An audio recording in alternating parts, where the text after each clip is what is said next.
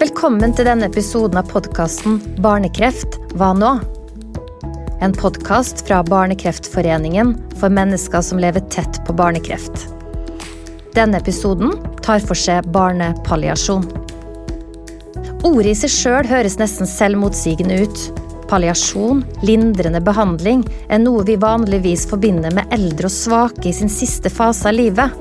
Barn er det siste vi tenker på rundt det her, men dessverre er dette en høyst reell virkelighet for mange. Hvert år dør opp mot 200 barn og unge i Norge, og kreft er en av årsakene. Barnepalliasjon innebærer en aktiv og total tilnærming, og omfatter fysisk, psykisk, sosial og eksistensiell støtte gjennom hele sykdomsperioden, til døden og ettervern for foreldre og søsken. Det fokuseres på forbedring av livskvalitet og den medisinske behandlinga. Hos barn og unge kan et palliativt forløp dreie seg om timer, uker, måneder eller år. I denne episoden får vi høre historien til Hanne Kristin Dokken, som opplevde at hennes 16 år gamle sønn Markus ble alvorlig kreftsyk. Sammen med eksmannen pleia de han på heltid frem til han døde, kun 18 år gammel. Vi får høre hennes historie og hvilke råd hun vil gi til andre familier i samme situasjon. Vi skal også snakke med Kirsti Egge Haugstad, leder for Barnesykepleierforbundet, som snakker om hvordan man jobber med barnepalliasjon fra perspektivet til barnesykepleieren, og hva som er viktig å fokusere på der. Først og fremst, da, eh, Hanne Kristin, så har jeg bare lyst til at du skal fortelle litt om Markus. Hva slags fyr var Markus? Markus var min eldste sønn. Han var storebror til tre yngre søsken. Eh, tette søsken som alle er født innenfor fem år. Han var en ja, reflektert ung mann. Eh, elsket fotball, spilte fotball selv, trente. Eh, ja, kjempeflink på skolen. Gode venner. Han kom aldri opp i konflikter. Han var en veldig sånn ja, han var kanskje den i familien som, eh, som, som landa problemer, holdt jeg på å si. Altså han, eh, når, han, når han snakket, så, så, stoppet alle andre. Eh, han hadde på en måte en sånn troverdighet og en sånn godhet over seg. Eh, og var en trygg storebror. Mm. Når skjønte dere at han var syk? Det skjønte vi i september 2017. Eh, da skulle han på skolen eh, tidlig en morgen. Han gikk på KG i Oslo og skulle ta toget fra Gardermoen. Da kom han opp på soverommet til meg og sier han, mamma, jeg hører ingenting. Jeg kan ikke, jeg, og jeg mister bevegelsen. Jeg mister, mister følelsen i beina mine. Um, så jeg bare legger det ned i senga mi, så ringer jeg ambulanse med en gang. Uh, og da kom ambulanse, og han ble kjørt til Ahus. Um, jeg trodde kanskje at det kunne være hjernehinnebetennelse, for han kunne ikke bøye hodet sitt. Så det var det første jeg tenkte. Ehm, så kom vi til Ahus, og de tok eh, MR av hodet. Og kunne ikke finne noen ting. Eh, og så sa jeg, men hva med nakken hans? Han klarer jo ikke å bøye nakken sin. Nei, det ser fint ut, det ser fint ut. Og vi ble sendt hjem igjen med taxi, og så tok det to dager. Og så skulle han på en fjelltur med KG eh, til Lillehammer, og gikk 14 km på en fjelltur. Og jeg var kjemperedd. Eh, I mellomtida hadde jeg vært hos fastlegen og sa at jeg tror Markus er dødssyk. Men jeg har likevel sendt ham på en skoletur fordi han selv mener at han klarer det.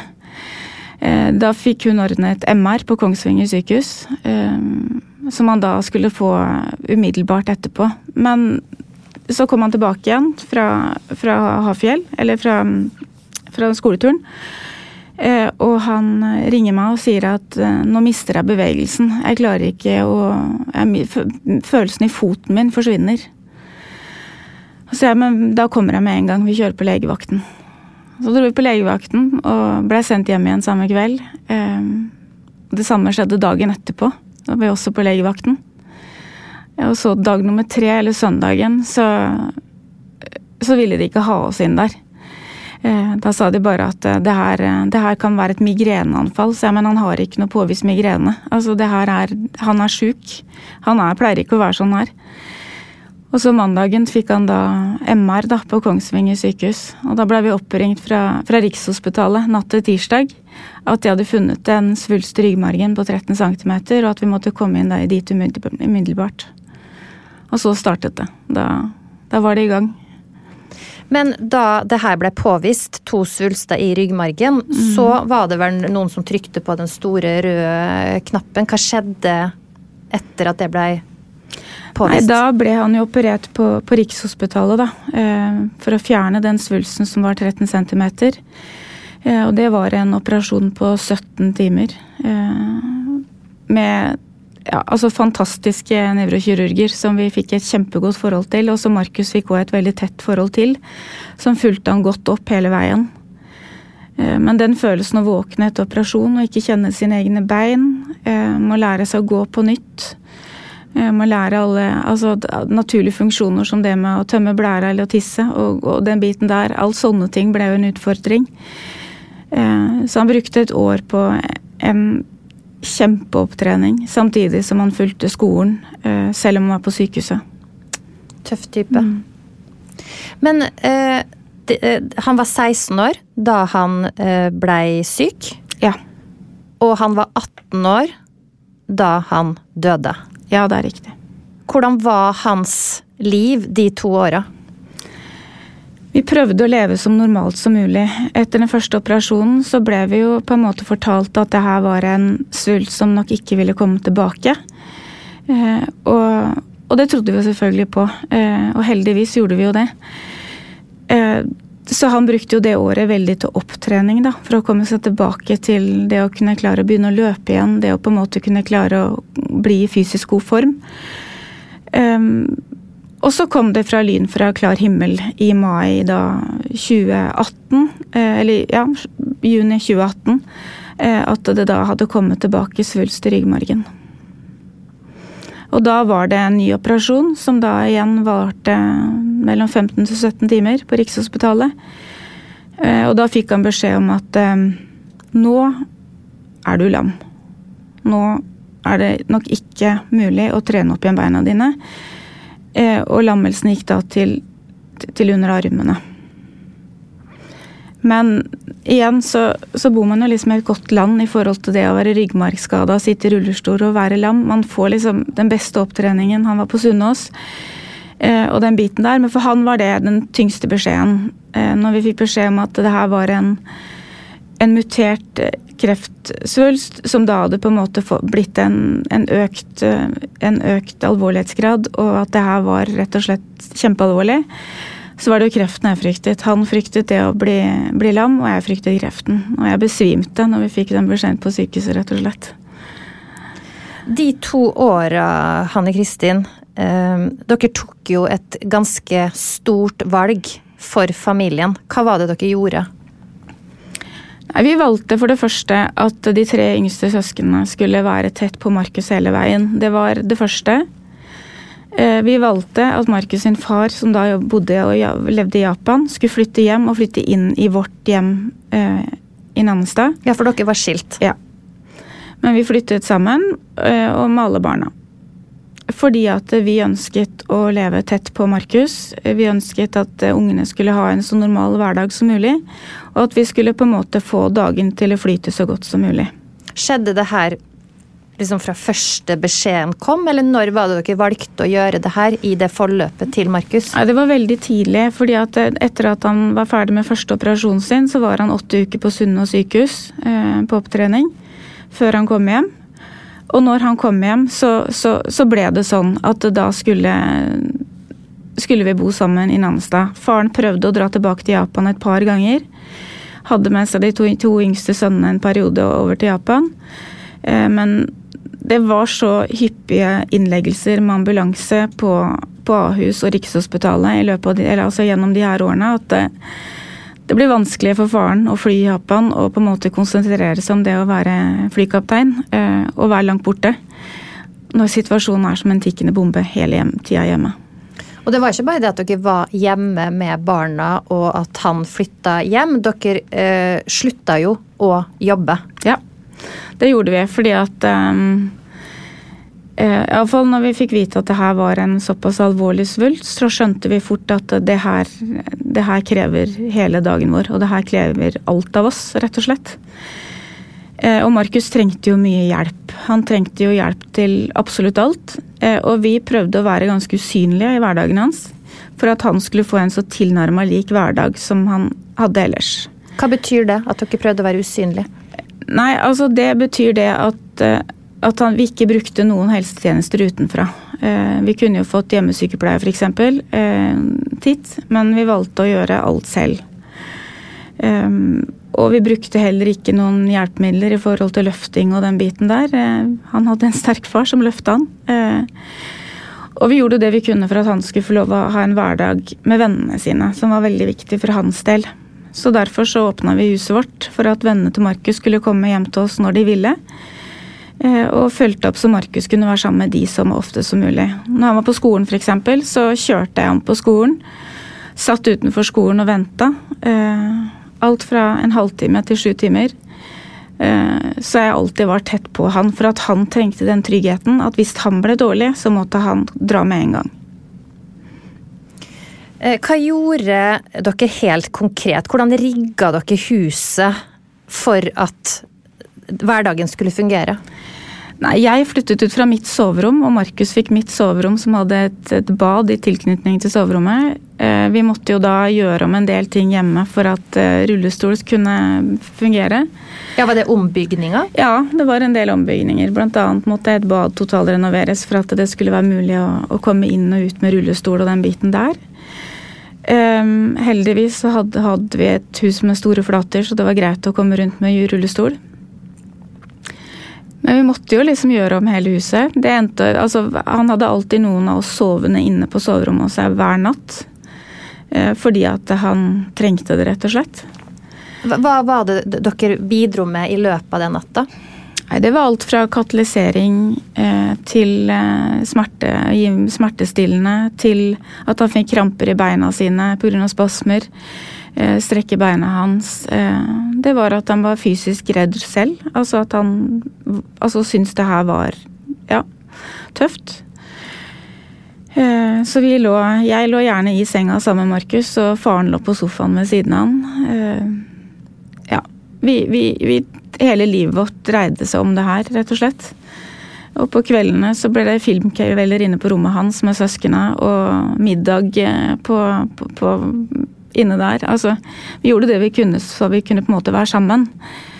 Men ut fra hans forutsetninger og hvordan han var fysisk i form. Mm. Hvordan så en helt vanlig dag ut i deres liv i den fasen?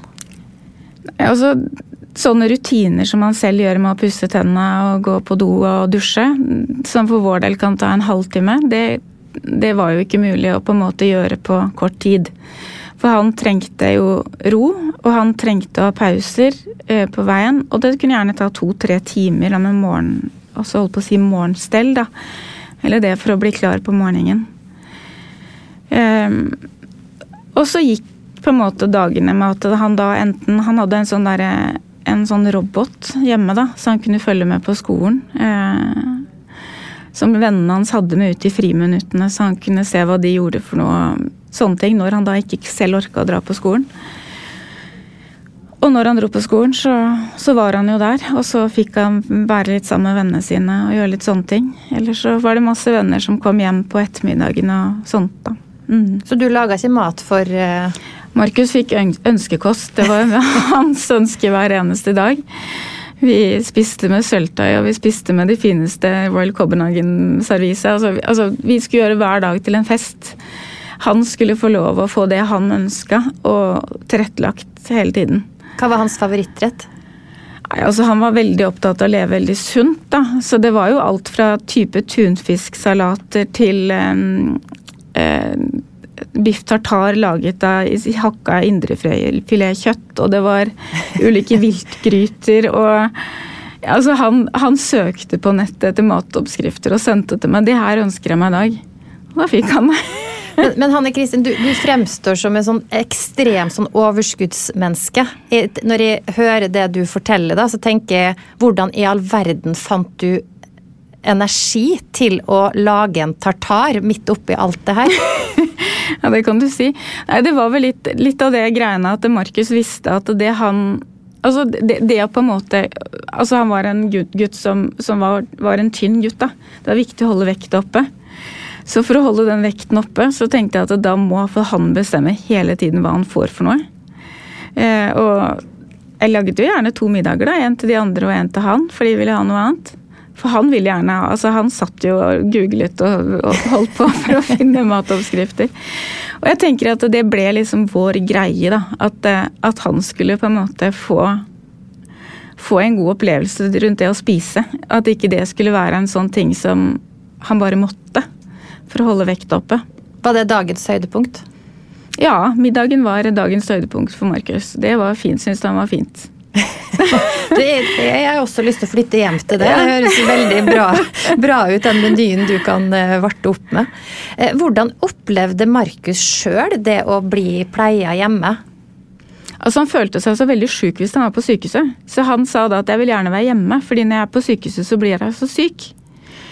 Eh, til og med når han var på sykehuset, da, så var det jo far som katalyserte han, og vi som dusjet han, eller hjalp han i dusj og den biten der. Han hadde jo da de to yngste guttene. De hjalp han med forhold til intimpleie. Altså i dusjsituasjoner og sånne ting. Jeg gjorde ikke det. Mm. Eh, og det var et prinsipp, eller det var en avtale mellom meg og Markus, at eh, jeg skulle ikke ta tak i noe av den i forhold til intimpleie. For han hadde blitt en ung gutt, eller en ung mann. Eh, og det er unaturlig at en mor skal da på en måte innta den rollen. Så det var enten pappaen hans eller brødrene som hjalp han med det. Mm. Da dere tok det her store valget da, eh, om å sette på pauseknappen på jobb, mm. eh, være hjemme 24 timer i døgnet med Markus og de andre eh, søsknene, hvordan reagerte andre rundt dere på det? Jeg tror ikke de som levde rundt oss forsto alvoret. Um, det var kanskje til dels min feil, fordi at uh, jeg aldri var ønsket å fortelle hvor alvorlig det kanskje var. Um, og det var jo for å på en måte verne Markus uh, i første omgang. Um, at jeg på en måte holdt tilbake det. Og så var det ingen som på en måte hadde hatt denne type kreftsvulst i ryggmargen tidligere. Så selv om det som en hjernesvulst er en kjempealvorlig svulst, så tenkte jeg at det, den kan jo opptre annerledes i ryggmargen. Og vi skal iallfall ikke gi opp. Um, derfor så, så så holdt vi fast ved det håpet at Markus skulle få lov å bli frisk. Og så endret jo det håpet seg på veien. Fordi at eh, da vi forsto at det her kan man ikke bli frisk av, så var det et håp om at han kunne få leve så mange dager som mulig med livsforlengende medisin. Um, og det, men det var òg viktig at det ikke skulle gå på bekostning av hans helse på noen måte. Eh, vi kunne ikke holde Markus her utover det som på en måte var greit for han, da. Altså den livskvaliteten hans. Så det ble veldig viktig for vår del, at det hele tiden hans livskvalitet skulle komme først. Var det sånn at ø, folk rundt etter hvert som tida gikk, skjønte mer og mer av det alvoret? Også fordi at man selvfølgelig så på Markus at han ble dårligere? Mm. Ja, men Markus så ganske frisk ut. Han, han han gjorde faktisk det. Vi skulle jo reise tilbake til, til, til New York eh, for behandling eh, fem dager før han døde. Så han var jo egentlig bare mm, veldig sjuk en uke. Eh, men etter, første, etter andre operasjonen hans, så skal det sies han i oktober da 2019 Nei, 2018 Eh, på Sunnaas sykehus var så syk at Sunnaas ville sende han hjem så han kunne få de siste dagene hjemme. Eh, det var rett og slett da 15 måneder før han døde. Eh, da startet vi med persontilpassa kreftbehandling. Og han fikk da medikamenter som vi fikk ut fra den gentesten som vi tok. Og da snudde jo alt, så han fikk jo et år ekstra. Eh, Pga. Av, av, av de medisinene som vi, vi ga han. da. Mm. Ja, Som dere betalte for i ja. USA? Ja, eller både i Norge og i USA. ja. Mm. Eh, en ting var jo den fysiske lindringa da, som du mm. uh, snakker om nå, men, men, den mentale biten eh, Hvordan snakka dere med Markus om det som skjedde, og, og den uh, fremtidsutsikten det var? Vi var nok veldig klare på det at vi må ta en dag av gangen. Eh, vi kunne ikke leve, leve så langt inn i framtida. Eh, eh, og det tror jeg var viktig, fordi at situasjonen til Markus den endret seg veldig fort. Det var, veldig, var en veldig fin balansegang mellom at han skulle ha gode dager og det at han plutselig måtte legges inn på sykehuset. Det var Altså, det var jeg vet ikke hvor mange ganger vi hadde ambulanse med blålys hjem til oss og henta Markus på natta, natta eller til alle døgnets tider. Um, så, så, så, Markus skjønte jo alvoret i det her. Uh, samtidig så sa jeg at vi gir aldri opp.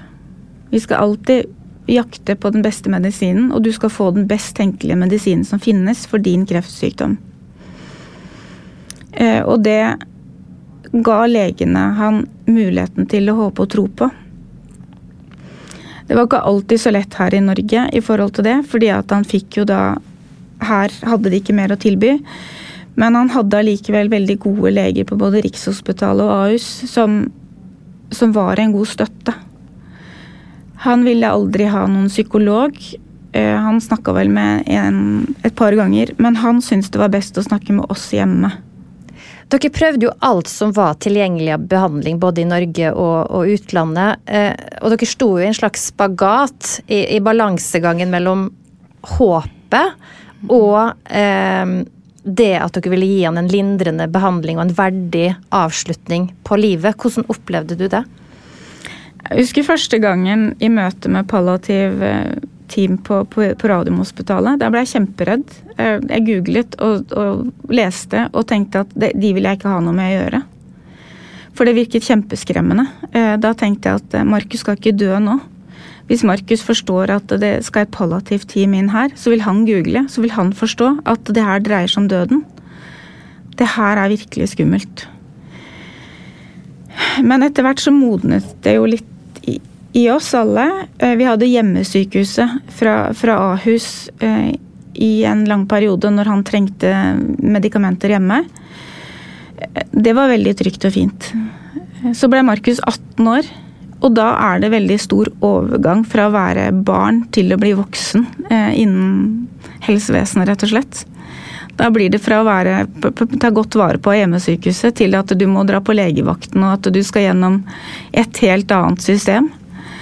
Um, og det syns jeg er trist, for det burde vært en mildere overgang mellom det å få lov å være barn og det å bli voksen, og kanskje det at uh, ungdom bør få lov til å få samme oppfølging hjemme uh, som barn får.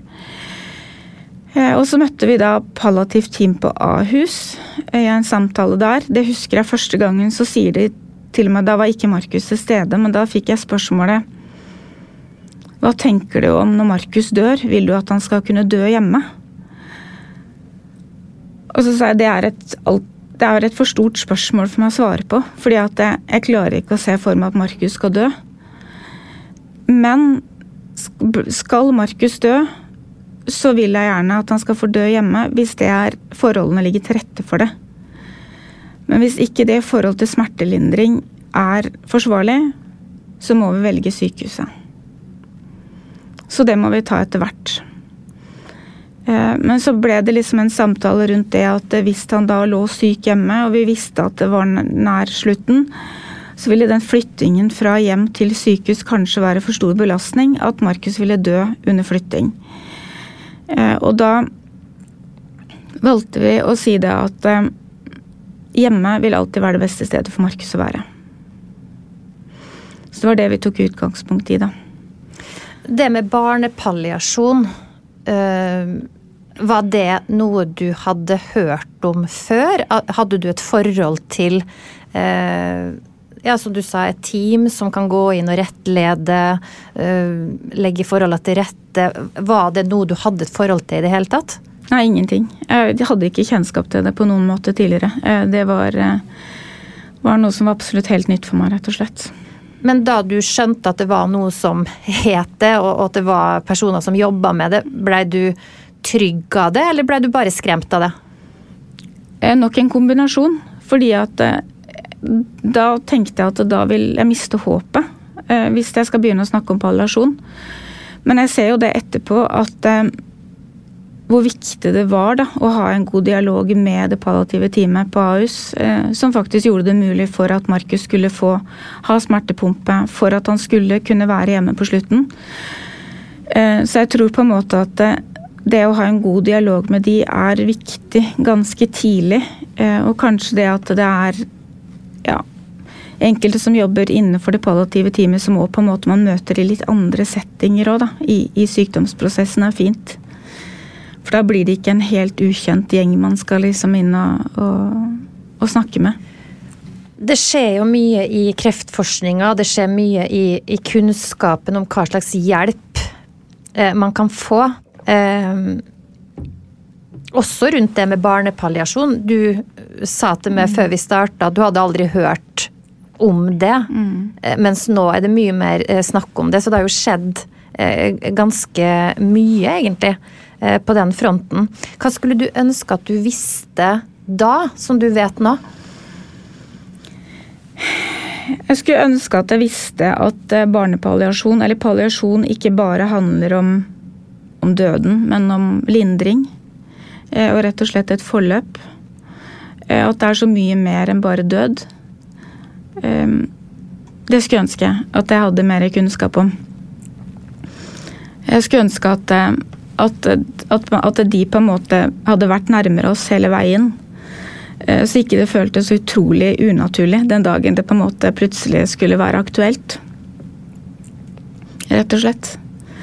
Um, jeg tenker at det er jo så mange barn i Norge som har et sånn langt forløp. Eh, ikke bare de som er kreftsyke, men med andre, andre, andre sykdommer òg. Så jeg tror det på en måte å, å, ha et godt palliativt Eller ha en godt palliativt eh, omsorg for, for, for de ungene og for, og for, for søsken og for familie.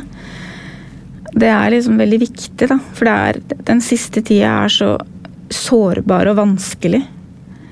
Eh, og så kan ingen andre utenfra forstå hva man egentlig står i. For det er så mye mer enn det du ser. Eh, det sitter jo folk og hører på det her akkurat nå, som er i den situasjonen som, som du og dere var i. Eh, hva vil du si til dem? Jeg tror det er viktig at man på en måte tør å formidle det man selv føler og tenker. Og ikke tenke at det er alltid de som, som sitter på andre siden av bordet som vet best. Fordi man kjenner sitt eget barn aller best selv. Eh, og det å på en måte kunne ha en god kommunikasjon, da, og ha en god dialog med de, de som er rundt, er veldig viktig, det hjelpeapparatet. Kanskje ha få personer som du kan ha kontakt med som kan hjelpe deg. Det f.eks. med kreftkoordinator i kommunen, og på en måte rett og slett tørre å, å, å be om litt hjelp tror jeg er viktig. Nå er vi heldige, for vi var en ressurssterk familie. Eh, vi har jo på, altså, og, og klarte å mobilisere oss på alle måter. Men det er jo ikke alle som har det sånn, og da tenker jeg at det er viktig at det er et system som på en måte òg gir de som kanskje ikke har de samme mulighetene, den samme hjelpa. Eh, og, og det å ivareta søsken, det er noe jeg brenner veldig for. Fordi at det er jo en Altså, det er jo små barn som i en tid der de skal på en måte få lov å være barn og ungdom, blir frarøvet en viktig del av livet. Og du opplever kanskje det mest traumatiske du noen gang kommer til å oppleve. Eh, de må bli tatt mer hånd om av, rett og slett i helsevesenet. De, de, altså de bør få en større plass i et sykdomsforløp det man spør seg litt sånn når man står på utsida av noen som opplever det dere har opplevd, da. Hva kan venner, familie, naboer Hva kan man gjøre? Og, og fra ditt ståsted, altså hvordan involverte du andre rundt? Altså hva trengte du fra andre rundt? Nei, altså, jeg, jeg, tok vel også og kuttet litt ned, ned på mitt kontaktnett, fordi det var ikke alle som forsto. Og det var ikke alle som på en måte hadde den forståelsen for at at eh, når alt på en måte endrer seg inni deg, så forandrer alt utenpå seg på en eller annen måte. Eh, og det gjør jo at man på en måte blir en annen person etterpå, på mange måter. Og så tror jeg det at eh, det er mange som tenker at ja, ja, men nå har jeg sendt en melding og spurt hvordan det går. Jeg har jo skrevet at eh, hvis du trenger noen ting, så må du si ifra. Eh, men av erfaring så, så tenker jeg at eh, kanskje man faktisk skal være litt mer pågående. Og kanskje faktisk støtte litt mer opp. Og være litt mer til stede. Og kanskje ikke alltid sp stille spørsmålene, og heller bare gjøre. Jeg ser jo de som på en måte kom på døra til oss med middag og, og nybakte brød og, og, og, sånne ting. Det, var, altså, det varma på en utrolig god måte. At de faktisk møtte opp og viste omsorg eh, i praksis. Og, og, fratok det på en måte den rollen at du skulle kreve noe, mm, eller mm. Du hadde kanskje ikke energi til det engang, å finne ut hva du trengte? Nei. Og så er det jo vanskelig nå i ettertid, fordi at eh, når jeg møter folk jeg har, har dere det fint, så så er jo det her et sår som aldri gror. Eh, det er jo noe vi må bære med oss for alltid. Eh, ungene er kanskje flinkere til å gå ut og inn av situasjonen enn det man er som voksen. Eh, men jeg tenker det at jeg tror, at, jeg tror på en måte at det er viktig at folk som står rundt, da, forstår at at det er ikke farlig å nevne Markus til meg, liksom. For jeg tenker jo på han hele tiden. Så, så, det er jo liksom ikke det, det føles bedre at Jeg tror det føles bedre for de som har mistet et barn, at de rundt tør å, å snakke om det barnet man har mista. Fordi at det, det, blir ikke vanskeligere enn det det allerede er. Eh, så jeg tror på en måte at det å tørre er veldig viktig da, eh, fra omgivelsene rundt. For du er jo firebarnsmamma. Mm. Du er ikke trebarnsmamma. Nei. Og det er jo noe jeg poengterer veldig selv òg, at jeg har faktisk fire barn. Og det kommer jeg alltid til å ha. Markus han var en sosial gutt. Liverpool-fan. Trodde den som vil. Fotballgutt. Og så døde han tre måneder før han etter planen altså skulle ut og rulle med russebussen sin og sine beste venner. Hva er du stoltest av når du tenker på Markus? Nei, Det er jo at han klarte å beholde roen gjennom her, de her åra. Eh, og på en måte klarte på en så god måte å, å allikevel være en del av de vennene sine og det, det nettverket. Og det at han rett og slett aldri ble sint på meg, i den settingen her. Jeg tror jeg hadde selv blitt veldig frustrert. Han var like rolig hele tida og, og beholdt liksom samme humøret og var jeg tror han klarte å leve i nuet på en genuin måte, og det syns jeg er utrolig sterkt at han klarte. Eh, når jeg veit hva han egentlig gikk gjennom.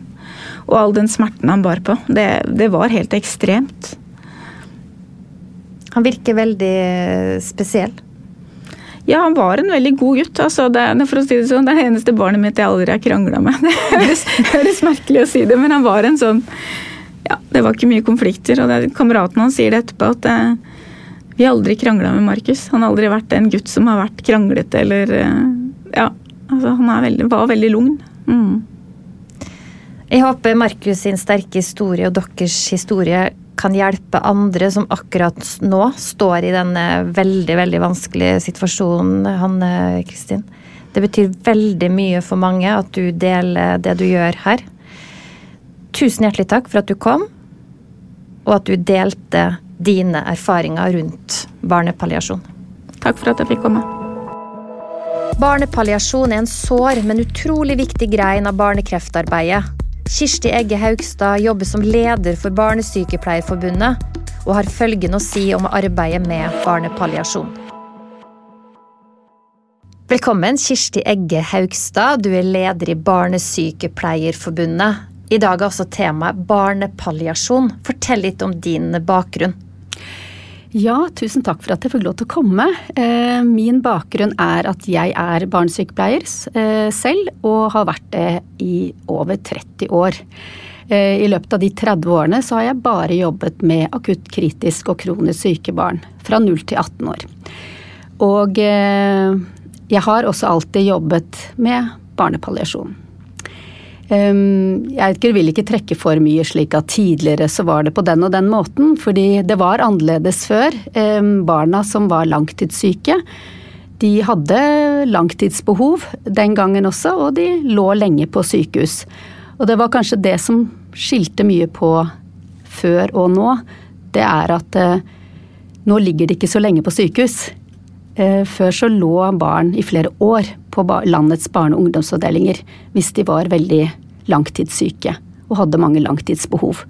Men et eller annet sted på veien rundt eh, samhandlingsreformer og ny politikk, så skulle flere og flere av disse pasientene få mer og mer av sin behandling eh, basert på ambulante team, hjemmesykehus, eh, poliklinikker, dagbehandlinger. Og gjennom på en måte det så ble det mer formalisering av barnepalliasjon. Og over da til et mer sånn pasientforløp eller behandlingslinje. Som barnepalliasjon faktisk da er. Du er en av de i Norge som vet mest om eh, dagens tema. Eh, barnepalliasjon det er jo relativt nytt begrep i Norge. Kan ikke du fortelle hva det innebærer? Barnepalliasjon eh, er og fange opp de barna eller ungdommene som har livstruende eller livsbegrensende tilstander.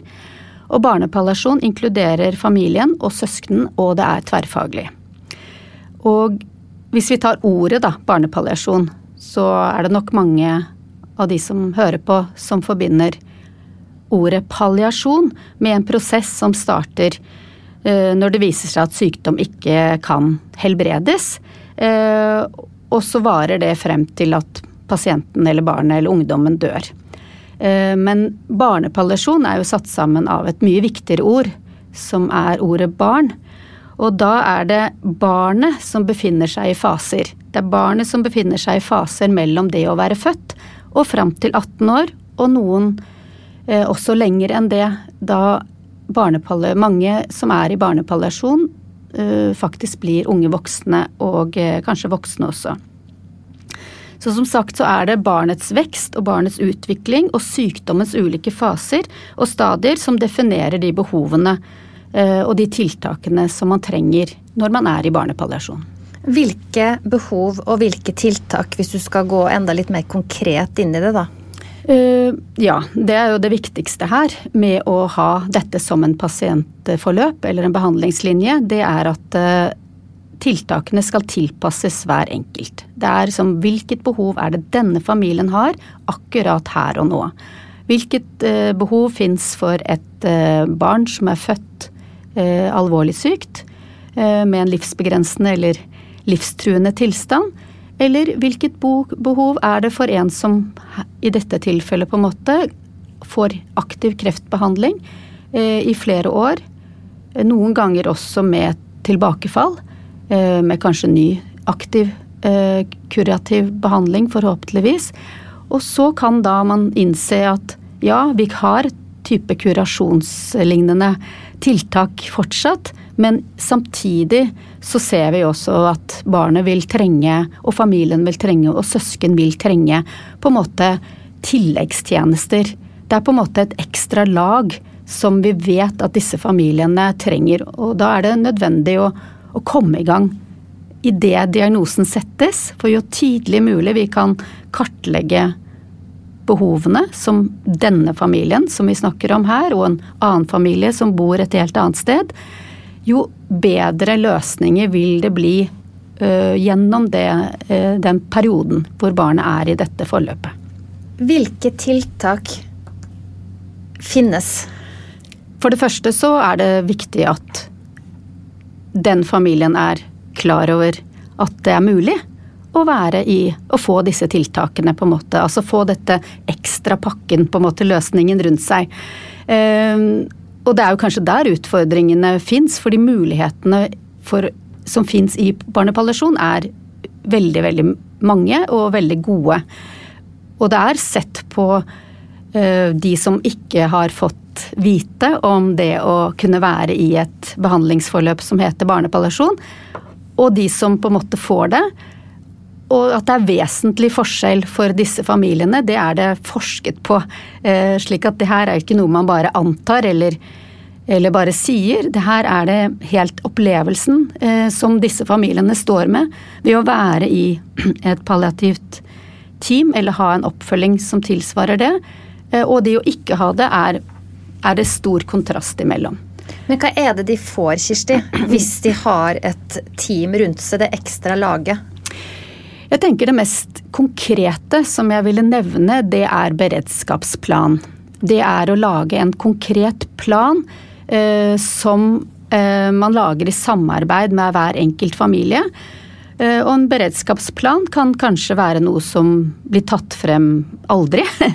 Men det kan også den bli tatt frem en gang i måneden, eller den på en måte er i jevn bruk. Og her kan det være f.eks.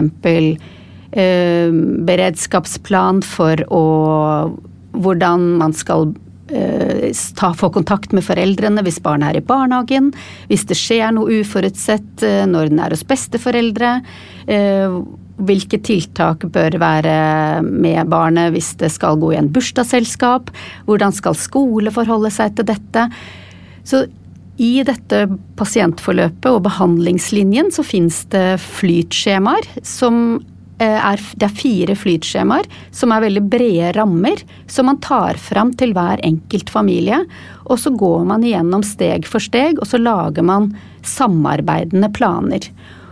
Og noe mange av disse barna kan jo allerede ha sånne tilsvarende planer for eh, f.eks. akuttberedskap lagd av sykehuset, eller at de har en opplæringsplan sammen med læreren, eller at de har en noen dagsplaner av andre typer. Så alt dette her blir jo på en måte satt litt i system sammen.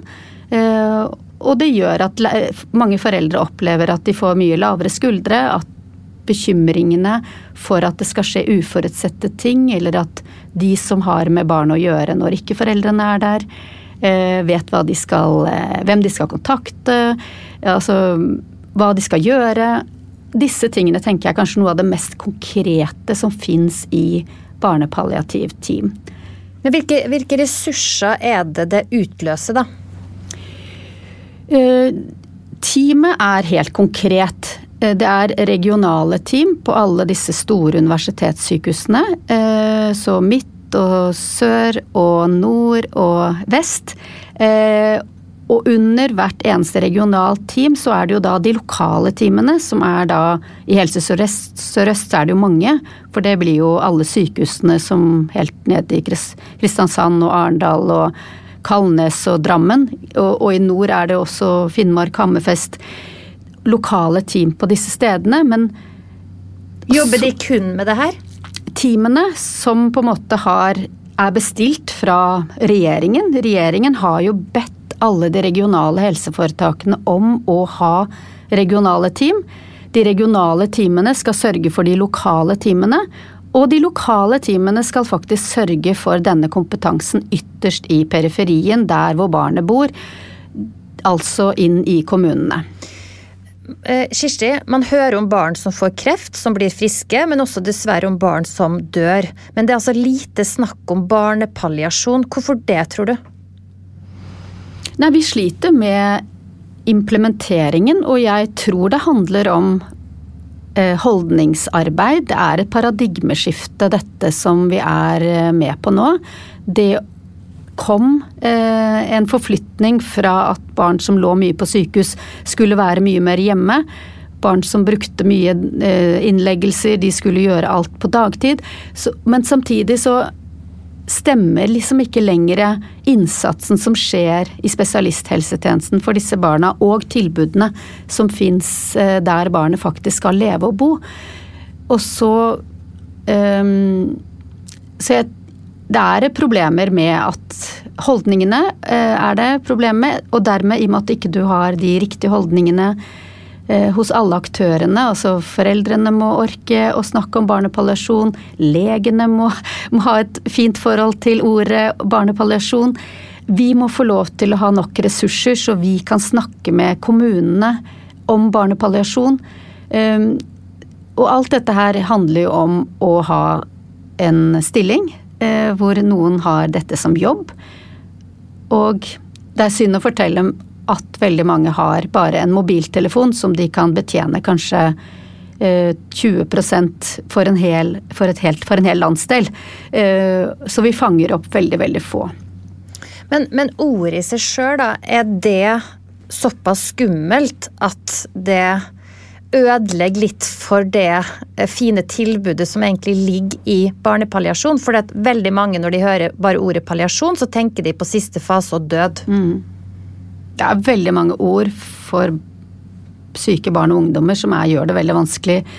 Bare det med at man skal forklare noen hva det vil si å være et barn som er i vekst og utvikling, og som har mange faser og mange perioder, og som skal leve et liv der det bor. Bare det i seg selv er komplisert.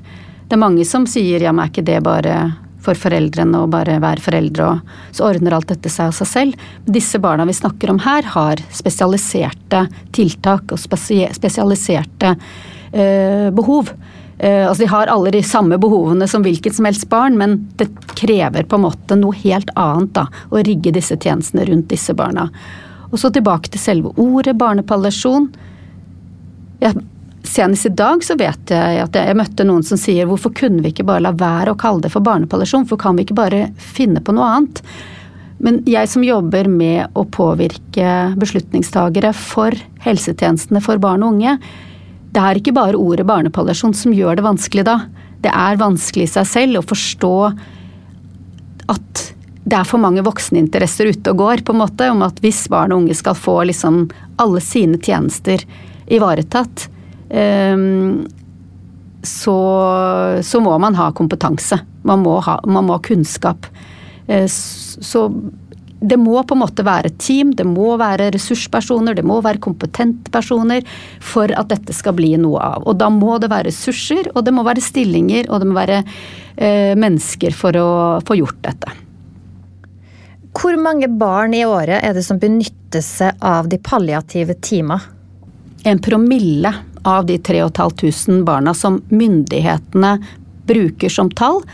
Eh, tallene som vi har på en måte utregnet nå, mener at det er 8000 barn i Norge akkurat nå som har behov for denne, dette pasientforløpet. Men da er det kreft og andre ting? Da er det kreft og andre tilsvarende sykdommer som er livsbegrensende og livsforkortende.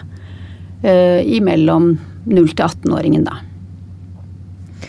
Ok, gå, La oss gå litt videre til litt mer det konkrete som skjer, da. Hvordan forholder barnesykepleieren seg til pasient og foreldre? Er det kjøreregler, eller varierer det fra tilfelle til tilfelle i den fasen her? Altså Barnesykepleiere og sykepleiere som jobber med barn på sykehus, vi jobber familiesentrert. Så Barn og familier eller foreldre kan ikke skilles eh, fra hverandre på noe vis. Eh, så det, det å dekke et barns behov, det blir en samarbeid og samhandling med foreldrene. Um, å prøve å gjøre hverdagen så naturlig som mulig er et mål for en barnesykepleier som jobber med barn med kreft på sykehus. Uh, og det betyr at man skal kunne være sammen med barna sine, man skal kunne spise måltider sammen med barna sine. Og helt normale ting som alle familier prøver å tenke at de, det er vel en selvfølge. Det er jo liksom den selvfølgeligheten som vi prøver å få på plass da, når det gjelder også barn som er veldig syke over lang tid. Og av sykdom, sykdommen sin så trenger de også mange forskjellige tiltak. Eh, det her er jo det mest smertefulle man kan oppleve som en mamma og en pappa. Hvordan hvordan opplever du foreldre til barn som får en sånn diagnose. Eh, og deres evne til å skille viktig fra uviktig, finne riktig informasjon. Det er jo enormt mye man skal ta mm. inn. Det er veldig, veldig mye informasjon. Eh, og det å få en kreftdiagnose, det er jo på en måte helt vilt, fordi det er jo bare få timer, kanskje bare en samme dag eller dagen etter, hvor man går fra å få greie på at barnet har kreft, til at faktisk behandlingen setter i gang. Det er jo blitt veldig raske eh, oppstart, eh, som er veldig dramatiske og veldig omfattende. Samtidig i den fasen så opplever jo foreldrene ofte at det skjer veldig mye, og det gjøres veldig mye knyttet til å komme i gang og få gitt behandling. Og Um, så det er jo en, sikkert en veldig sånn blandet periode hvor man er, blir, opplever utrolig mye fremmed. Utrolig mye eks, ekstreme uh, opplevelser. Uh, samtidig som man sikkert er også ganske sånn takknemlig for at det, man har behandling som er blitt igangsatt, og man har en god oversikt. Akkurat den fasen så får man jo veldig god prestasjon over disse protokollene, og hvordan dette skal gjøre, og hvor ofte, og hvor lenge, og når, og hvor. Liksom, så veldig sånn, kanskje også liksom ganske forutsigbar sånn planmessig, da. Um, så, men det er en uh, sterk periode i livet til hele familien. Uh, hvor, hvor, barnet har da utallige liggedøgn på sykehus, og hvor foreldrene må på en måte prøve å løse denne form for logistikk over tid. Så ja, det er en veldig, veldig spesiell periode å være i. Men da introduserer jo du en veldig stor grad av eh, realisme veldig tidlig, kanskje før man vet hvordan det her vil utarte seg. Og veldig mange foreldre tviholder jo på, og barna tviholder jo på det håpet om at noe vil skje på reisen her som gjør at det vil ende veldig, veldig godt. Mm. Jeg tenker fortsatt at det jeg sa nå var om at det handler om noe godt. Jeg tenkte ikke fordi vi vil veldig gjerne unngå å snakke om Det er helt unødvendig å snakke om død. Fordi det er bare et lite øyeblikk hvor det skal skje. Det som er det viktigste, er alt det andre som skal skje med det barnet underveis. Og det skal være da ha Det skal leke, det skal være sammen med jevnaldrende, det skal kunne være sammen med familien sin. Og på en måte det er det som er fokuset i barnepalliasjon. Det er det, det fine ved det. Men foreldrene har sånne skuldre, og ja, nå viste jeg det med skuldrene mine, men øh, Og barnet tenker på mange ting. Og det vet vi jo på en måte er mye bedre at man har sånne type eh, samtaler med barnet og er ærlig med barnet. Og det å si til barnet om at tenk så eller så dumt det er at du en gang til må gjøre, ha så sterk og tøff behandling. Eh, men det gjør vi jo for å se om dette skal gå kjempebra nå. Altså, vi er jo veldig ærlige mot mot barna våre oppfordrer jo foreldrene også i stor grad til å være ærlige mot eh, barna underveis, og man heier jo på forløpet hele veien.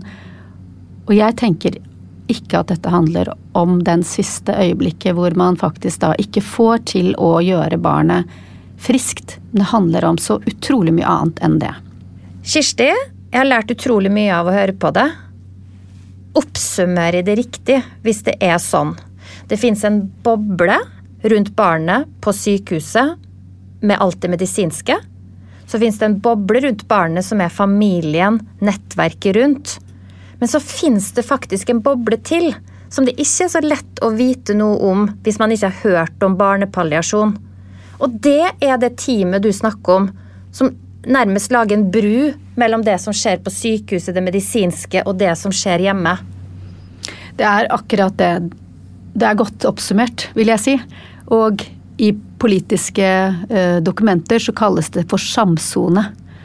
At det skal være en samsone mellom disse to. Eh, det som foregår der barnet bor, og det som den spesialiserte tjenesten på en måte eh, involveres i. For disse barna har mange tjenester i spesialisthelsetjenesten, og de har tilsvarende tjenester i kommunehelsetjenesten. Men det er ikke noe bro imellom disse to tingene. Derfor så trenger vi barnepalliasjon. Og derfor er det kanskje også mange familier som føler seg veldig, veldig alene. Fordi at de nemlig De lengter etter den bobla, men den, den er jo der. Man må bare etterspørre den og bestille den. Den må etterspørres, og eh, veldig flott hvis foreldrene kan hjelpe til med den etterspørselen, så vil den på en måte eksistere hvis ikke vi begynner å benytte oss av den og eh, forlange at den eh, bobla sprekker og blir, får lov til å liksom komme dit hvor familiene bor, og der de trenger det, så syns jeg det er et fallitterklæring. Tusen takk for at du kom, Kirsti. Tusen takk for at jeg fikk invitasjon. Vil du vite mer om Barnekreftforeninga eller har andre spørsmål knytta til barnekreft? Gå inn på barnekreftforeningen.no, eller lytt til flere episoder av Barnekreft hva nå? Plan B.